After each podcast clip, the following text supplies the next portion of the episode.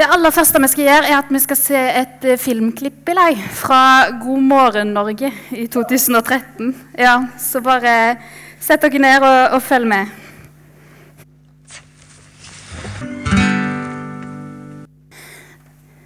Det var Bjørn Eidsvåg.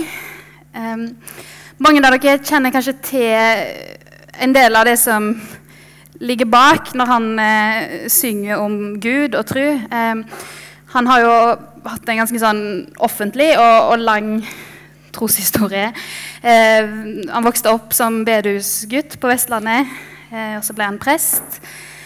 Eh, og så ble han etter hvert artist. Eh, og så har han nok opplevd en del eh, ting underveis der han har blitt skuffa av kristne og skuffa av Gud. Og gått en del prosesser.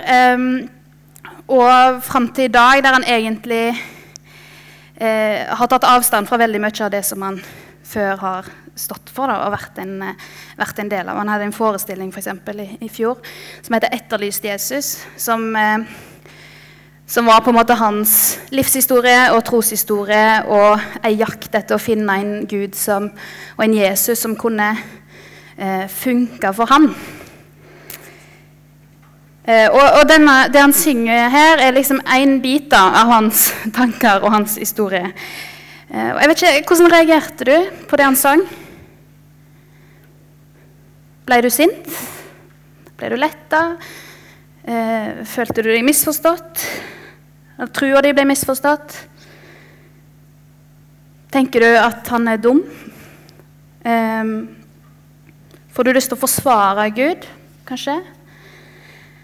Eh, jeg merker i hvert fall når jeg, når jeg ser på den sangen og hører på det han synger, så, så blir jeg først litt sånn provosert og frustrert, kanskje. Eh, jeg syns han får lov til å si veldig mange ting, veldig lettvint. Og nå snakker han nok om, kanskje om litt mer enn akkurat den kristne Gud, men om Gud som uh, fenomen. Men fordi vi kjenner historien hans, så vet vi at uh, mye av det han sier, kommer fra at han har kjent kristne og, og hørt kristen forkynnelse. Og så er det en reaksjon på det. Og så syns jeg det blir veldig lettvint at han bare får lov å synge alle de greiene. Og så vet jeg òg at det er mange som er enig med han. Um, og det gir jo meg som kristen et problem. Og på mange måter så er jeg enig i at det gir Gud et problem, for han sier jo en del ganske, ganske sterke ting som mange kan være enig i. Men det jeg legger aller mest merke til i denne sangen, er den linja som, som går litt igjen, eh, der han synger her kommer du etter. Takk. Alvorlig talt, Gud, vi ber. Du må være bedre enn det her.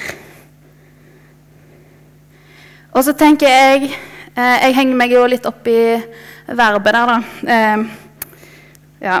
Eh, ber du, Bjørn? Er det det du gjør? For egentlig så høres det aller mest ut som en forventning, en befaling kanskje, eller et krav, et sånn ultimatum. litt sånn nå må du skjerpe deg, Gud. Nå må du være den vi trenger. Eller så har du faktisk brukt opp sjansene dine. Alvorlig talt, Gud. Du må være bedre enn dette for at du skal funke som Gud. Og Så synger han også mye om eh, hva Gud ikke bør være, og hvordan han bør bli. Og så kommer det liksom enda et tungt argument i det som er en slags sånn bridge, der han synger Din anseelse har droppa ganske dramatisk. Det er tid for å stå fram langt mer sympatisk. Så sier han egentlig Gud, du har fått et omdømmeproblem. Og hvis vi skal være helt ærlige, så har du lagt opp til det sjøl. Det er ikke rart folk unngår deg. Du er jo ikke en sånn som er interessert i. Du har driti deg ut, Gud. Du har dritt deg ut. Og Det provoserer meg at han sier disse tingene, men så merker jeg jo også at jeg blir nysgjerrig. Eh, og så blir jeg nysgjerrig på hvor, hvor dette her kommer fra. sant? Eh, og så iallfall Når jeg blir litt sånn ferdig med denne krenkaheten og, og forsvarsinstinktene, så lurer jeg jo òg litt på mm, Har du smuglytta på bøndene mine, Bjørn? For jeg har kanskje ikke sagt det på akkurat samme måte med de ordene der. Men men jeg har følt det. Og så har jeg kanskje valgt å be litt mer sånn fromt og sånn søndagsskolevennlig. Jeg har kanskje bedt noe som Gud, dette er en vanskelig situasjon. Kan du ta deg av det etter din vilje? Eller Gud, jeg merker deg ikke, kan du hjelpe meg til å se deg? Men så under de ordene der som jeg har sagt til Gud, så har det vært en frustrasjon eller en lengsel om at Gud, du må være bedre enn det her. Nå må du levere. Nå må du fikse. Nå har jeg gitt så mye for deg. Hvorfor stiller ikke du opp? Hva holder du på med? Hvor lenge må jeg be? Hva mer er det som skal til for at du skal få ut fingeren? Og være Gud, sånn som jeg trenger at du er. Så er jeg kanskje mer enig med Bjørn enn jeg vil innrømme. Men det har kanskje litt andre ord og en kanskje, ja, kanskje en litt annen tilnærming. Men, men jeg tror at jeg og Bjørn Høidsvåg stiller oss i en lang, lang rekke av mennesker som sliter med ulike varianter og ulike alvorlighetsgrader kanskje, av det samme problemet. Vi sliter med det å finne ut av hvem Gud er, og så leter vi etter en Gud som er i vårt eget bilde. Vi leter etter Gud sånn som, sånn som vi trenger han. Og Det var jo det Adam og, Ede, Adam Eva sleit med f.eks. i Edens hage. sant? Når de tenkte at de skulle spise av det der treet, eh, selv om Gud hadde sagt at de ikke skulle det, så tenkte de Gud, dette må du tåle. Gud, dette kan jo ikke være så farlig. Gud, vi trenger kunnskap. Vi takler dette med. sant? Gud, du må være bedre enn det her. Du kan ikke være så streng. Hvorfor skal vi ikke vi få spise av det treet? Eh, og så kan jeg se videre at Det første bud handler jo om at vi ikke skal ha andre guder enn Gud. Og Det står der jo fordi det er så lett for oss mennesker å bomme på akkurat det. Og kanskje kjenner du deg igjen, du òg. Enten i det at det er vanskelig å finne ut av hvem Gud er, eller at du får lyst til å, å lage Gud sånn, så, sånn som det passer for deg. Og når vi er inne på det spørsmålet om, om hvem Gud er, og sånn, og det, det, er et spørsmål vi kan tenke på veldig sånn her, filosofisk og, og, teoretisk og eh, teologisk. Eh, og tenke på det som en sånn ting som vi skal lese bøker om og finne det rette svaret på. Og, eh, og det kan være veldig nyttig å jobbe med Gud på den måten. Men vi kan òg tenke på det som et veldig dypt personlig og relevant og levende spørsmål. Og Det er jo det det er for han, og det er jo det det er for meg når jeg ber seint en kveld til Gud. Så jeg er ikke ute etter hvem Gud er i teorien, men jeg er ute etter hvordan han viser seg for meg. For når vi, når vi trenger Gud eller møter Gud eller lengter etter Han, så, så er han ikke bare en det står teorier ja, om i ei bok. Men det angår oss, og det angår livet vårt og det som vi leter etter. Som mennesker så, så, trenger vi å ha et gudsbilde. Eh, et gudsbilde, altså vi trenger, vi trenger, å bygge et bilde oppi hodene våre av hvem Gud er. Eh, og det er rett og slett for at vi skal klare å forholde oss til Han. Sant? Fordi at eh, vi kan ikke vi kan ikke gå på kafé med han og, og liksom spørre ja, hva liker du å drive med, og, og se hvordan han ser ut. og eh, de tingene der. Så vi, vi, trenger å bygge oss et bilde i hodene våre over hvem Gud er. Eh, for han er så stor, han er så annerledes, og vi er helt avhengig av å samle den informasjonen vi har, eh, og skape et bilde av hvem han er, for at vi skal klare å forholde oss til han. Og det gjør vi. Alle har et gudsbilde. Uansett hva vi tror på, eller hvor godt vi kjenner han, eller sånne ting, så, så har vi et gudsbilde, for alle har et inntrykk av hvem Gud er. Men ingen av oss har hele bildet. Og det bildet du har av Gud i hodet ditt, det vil aldri bli helt komplett. Eh, og det som er kjipt med det, er jo at vi risikerer å gå glipp av ting fordi vi ser etter en Gud som ikke er sånn som han er. Eh, for vi ender med å lete etter gudsbildet vårt og ikke etter Gud. Eh, og så er det mange ting som, som kan gjøre gudsbildet vårt litt sånn skeivt. Eh, vi kan ha blitt veldig skuffa eller veldig glad for ei side av Gud.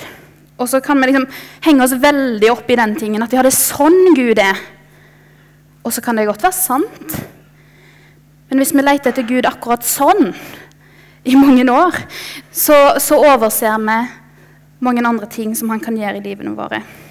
Ellers kan vi ha et bilde av Gud som er veldig forma av en bestemt person, eller en bestemt type forkynnelse, eh, eller som er veldig prega av noe som vi har opplevd i livet. Og det er ikke feil i seg sjøl, og det, det, er sånn vi funker, men, men det kan bli kjipt for oss. For resultatet er ofte at vi blir skuffa. For da ender vi med å lete etter en Gud som skal være, eller som absolutt ikke skal være, noe som vi føler vi trenger. Og så er han jo ikke akkurat sånn. Eller så leverer han liksom ikke like kjapt eller nøyaktig det vi, vi så for oss. Og så, Da blir vi veldig raske da, med å finne andre løsninger. Og så sier vi litt sånn som Bjørn Eidsvåg at ja, men du må bli sånn og sånn. For da, da blir du Gud. Uh, og mens vi venter på at du skal bli sånn, uh, så stoler vi på andre ting som kan gi oss det vi leter etter. Så stoler vi på kontoen eller en bestemt relasjon eller fornuft eller framskritt eller oss sjøl eller sunnhet og helse eller telefon eller sant, hva det skal være. Eh, men ting som vi opplever at gir oss det vi trenger, kjappere og bedre enn Gud. Og sier vi Gud, kanskje du bare være litt mer lik telefonen min. Det, da hadde du blitt Gud sånn som du burde vært. Men dette er altså ikke noe nytt. Og nå vil jeg at dere skal bli med noen tusen år tilbake i tid, eh, til ørkenen i Midtøsten. Eh, og da er vi i lag med israelsfolket, som har vært på tur i tre måneder. Og så, nå driver de og slår opp teltleir ved Sinai-fjellet. Dere kan jo se det for dere. Tusenvis av mennesker, eh, slitne på reise, bekymra for framtida, i en slags flyktningleir, egentlig. Eller det var det det var. I en ørken. Og så skjer det noe spesielt der. Eh, og vi skal lese litt fra 2. Mosebok 19. Eh, Moses gikk opp til Gud, opp på fjellet. Da ropte Herren til ham fra fjellet. Dette skal du si til Jakobs hus og fortelle til israelittene. Dere har sett hva jeg gjorde med egypterne, og hvordan jeg løftet dere på ørnevinger og bar dere hit til meg. Hvis dere adlyder min røst og holder min pakt, skal dere være min dyrebare eiendom framfor alle andre folk, for hele jorden er min. Dere skal være et kongerike av prester og et hellig folk for meg. Dette er de ordene du skal si til israelittene. Da Moses kom tilbake, kalte han sammen folkets eldste og la framfor dem alle de ordene som Herren hadde pålagt ham. Og hele folket svarte i kor, alt det Herren har sagt, vil vi gjøre. Og dette svaret bar Moses tilbake til Herren. Altså, her er det en gjeng mennesker eh, i en flyktningleir som får beskjed fra Gud om at nå har dere sett alt jeg har gjort. Eh, Gud hadde gjort store ting for dem allerede, ganske nylig. Han hadde fått dem med ut fra Egypt. Han hadde fått dem gjennom Rødehavet. Dere kjenner kanskje til de fortellingene. Dette hadde de nettopp opplevd.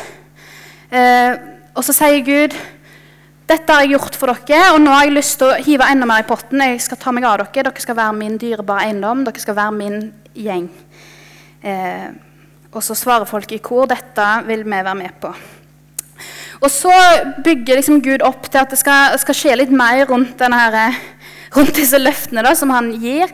Eh, og så vil han at eh, Moses skal møte han eh, på toppen av dette fjellet. Eh, og, men før det kan skje, så, så, må han gi en del instrukser til folket. For det greia er at når Gud er på det fjellet, så kommer det til å være farlig å være der. For Gud er så stor. Eh, så han sier til folk at de må rense seg i mange dager, de må holde seg unna dette fjellet. Um, og hvis noen nærmer seg fjellet, så må ingen springe etter dem, for da, de som nærmer seg fjellet, kommer iallfall til å dø, og de som springer etter, kommer også til å dø, så de må egentlig bare la de gå. Eh, og så er det masse sånn beskjeder om liksom Pass på, her skjer det noe eh, stort. Og så kan vi lese litt videre. Eh, ja. Ja. Den har jeg bare her. Eh, men jeg kan se det på bildet. Sånn var det. Eh, da det ble morgen den tredje dagen, tok det til å tordne og lyne. En tung sky la seg over fjellet, og det gjallet høyt fra bukkehorn. Alt folket i leiren skalv av redsel. Men Moses førte folket ut av leiren for å møte Gud, og de stilte seg ved foten av fjellet. Hele Sinai-fjellet sto i røyk, fordi Herren hadde steget ned på det i ild. Røyken steg opp som røyken av en smelteovn, og hele fjellet skalv. Lyden av bukkehorn ble sterkere og sterkere. Moses snakket, og Gud svarte ham med høy røst. Da steg Herren ned på toppen av Sinai-fjellet. Herren kalte Moses opp til toppen av fjellet, og Moses gikk opp. Det, var, det, må ha vært ganske dramatisk. Og jeg tipper de skjønte hvorfor de fikk så strenge instrukser om hvordan de skulle forholde seg til dette fjellet. For Det kom, altså det må jo ha sett ut omtrent som en vulkan. sant? Ild på toppen og røyk og lyder og inntrykk. Eh, det var ikke tvil om at her kom det en som, som det var noe med. Her skjedde det noe stort. Eh, så skjer det en del ting i kapitlene videre. Moses går opp, han kommer ned igjen. Eh, og så går han opp igjen, og så blir han der oppe i 40 dager og snakker med Gud. Eh, men mens Moses er der oppe i 40 dager, så blir de her nede de begynner å bli utålmodige. Eh, og så kan vi lese fra 2. Mosebok 32, altså en del kapittel seinere. Da folket så at Moses drøyde med å komme ned fra fjellet, samlet de seg om Aron og sa til ham.: Kom og lag en gud til oss som kan gå foran oss. For vi vet ikke hva som har skjedd med denne Moses, mannen som førte oss opp fra Egypt. Aron sa til dem, ta gullringen av ørene på konene, sønnene og døtrene deres, og kom med dem til meg. Da tok hele folket av seg gullringene som de hadde i ørene, og kom til Aron med dem. Han tok imot gullet, formet det med meisel og støpte en kalv. Så ropte de, dette er guden din, Israel, som førte deg opp fra Egypt. Da Aron så det, bygde han et alter foran kalven og ropte ut, I morgen er det fest for Herren.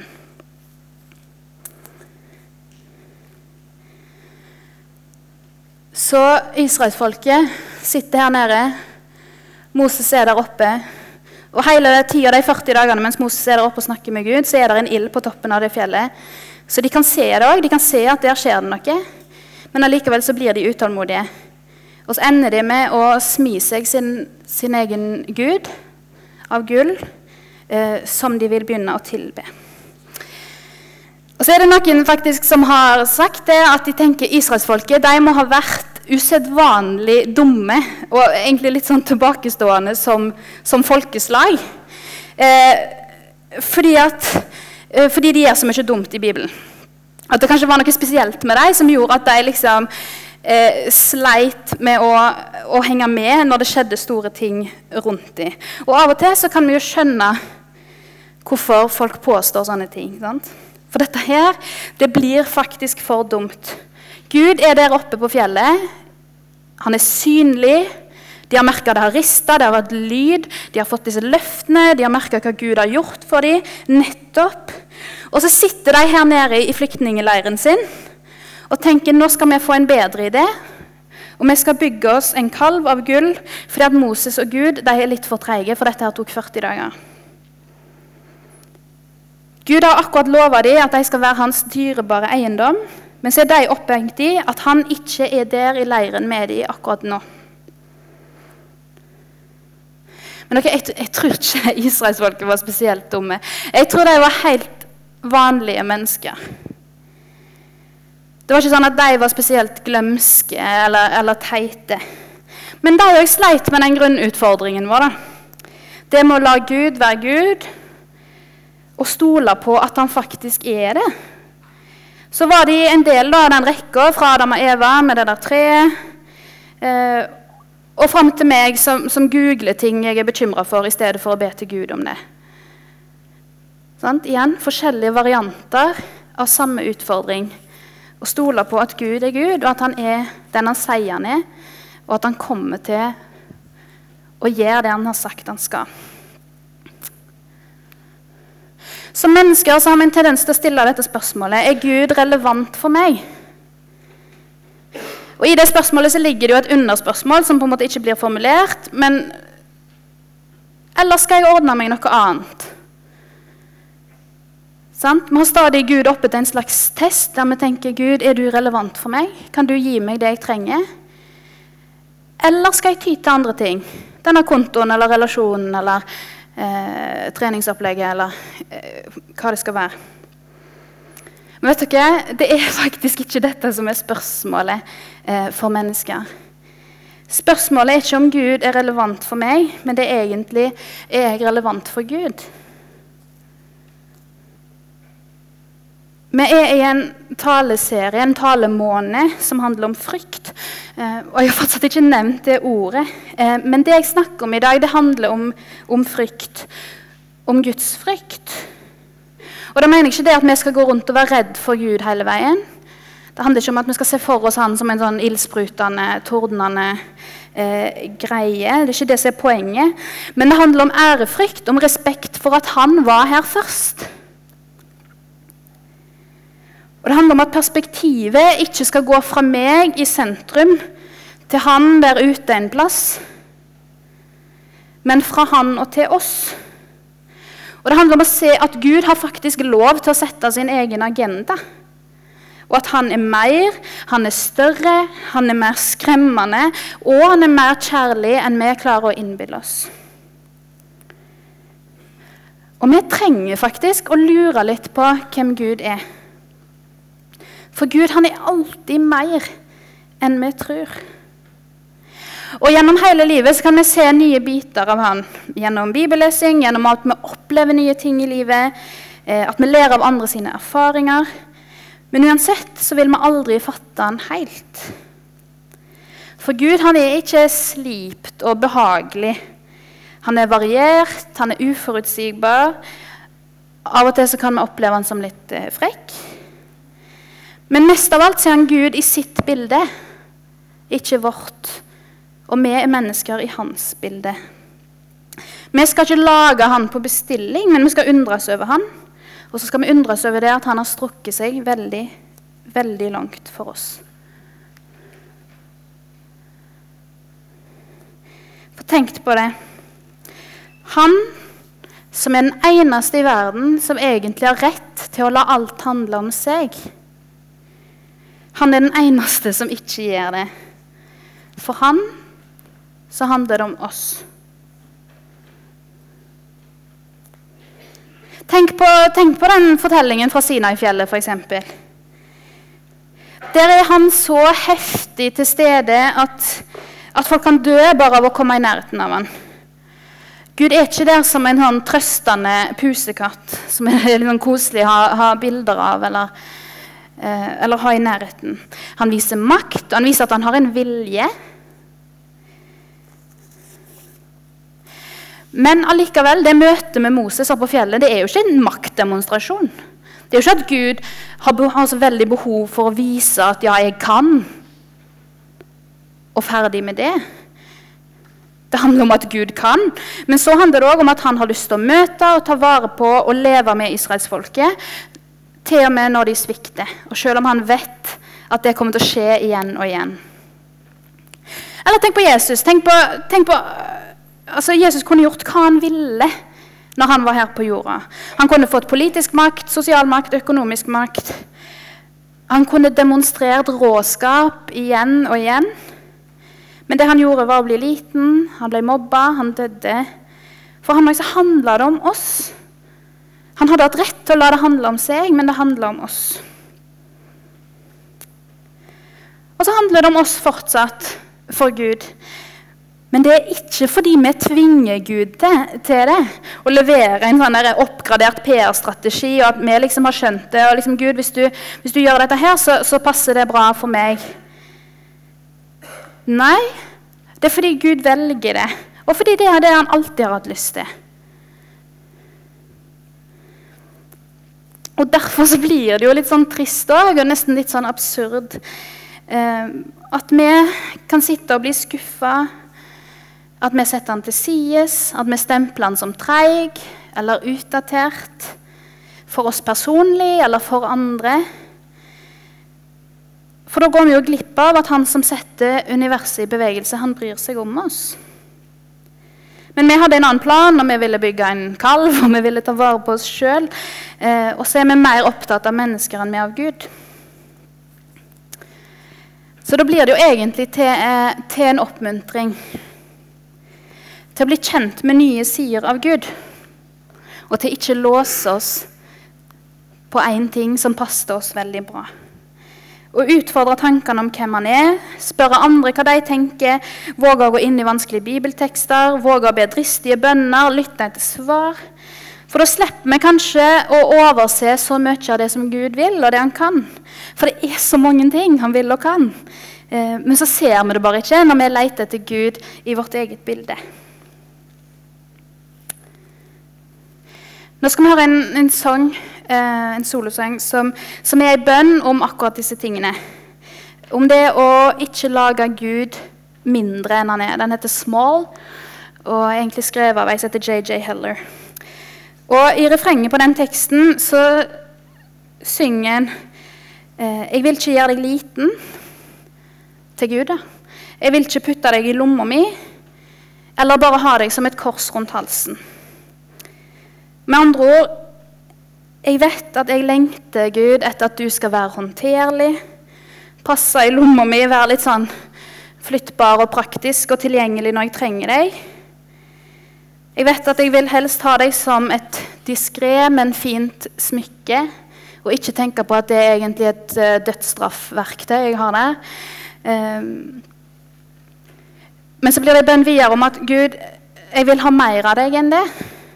Jeg vil se hele deg, og jeg vil forholde meg til at det korset faktisk var en plass der du døde. Og så har jeg lyst til å lure på hvem du er, og jeg har lyst til å lære mer om det hele livet. Så gjør det til de bønn hvis du vil, eh, mens vi hører 'Small'.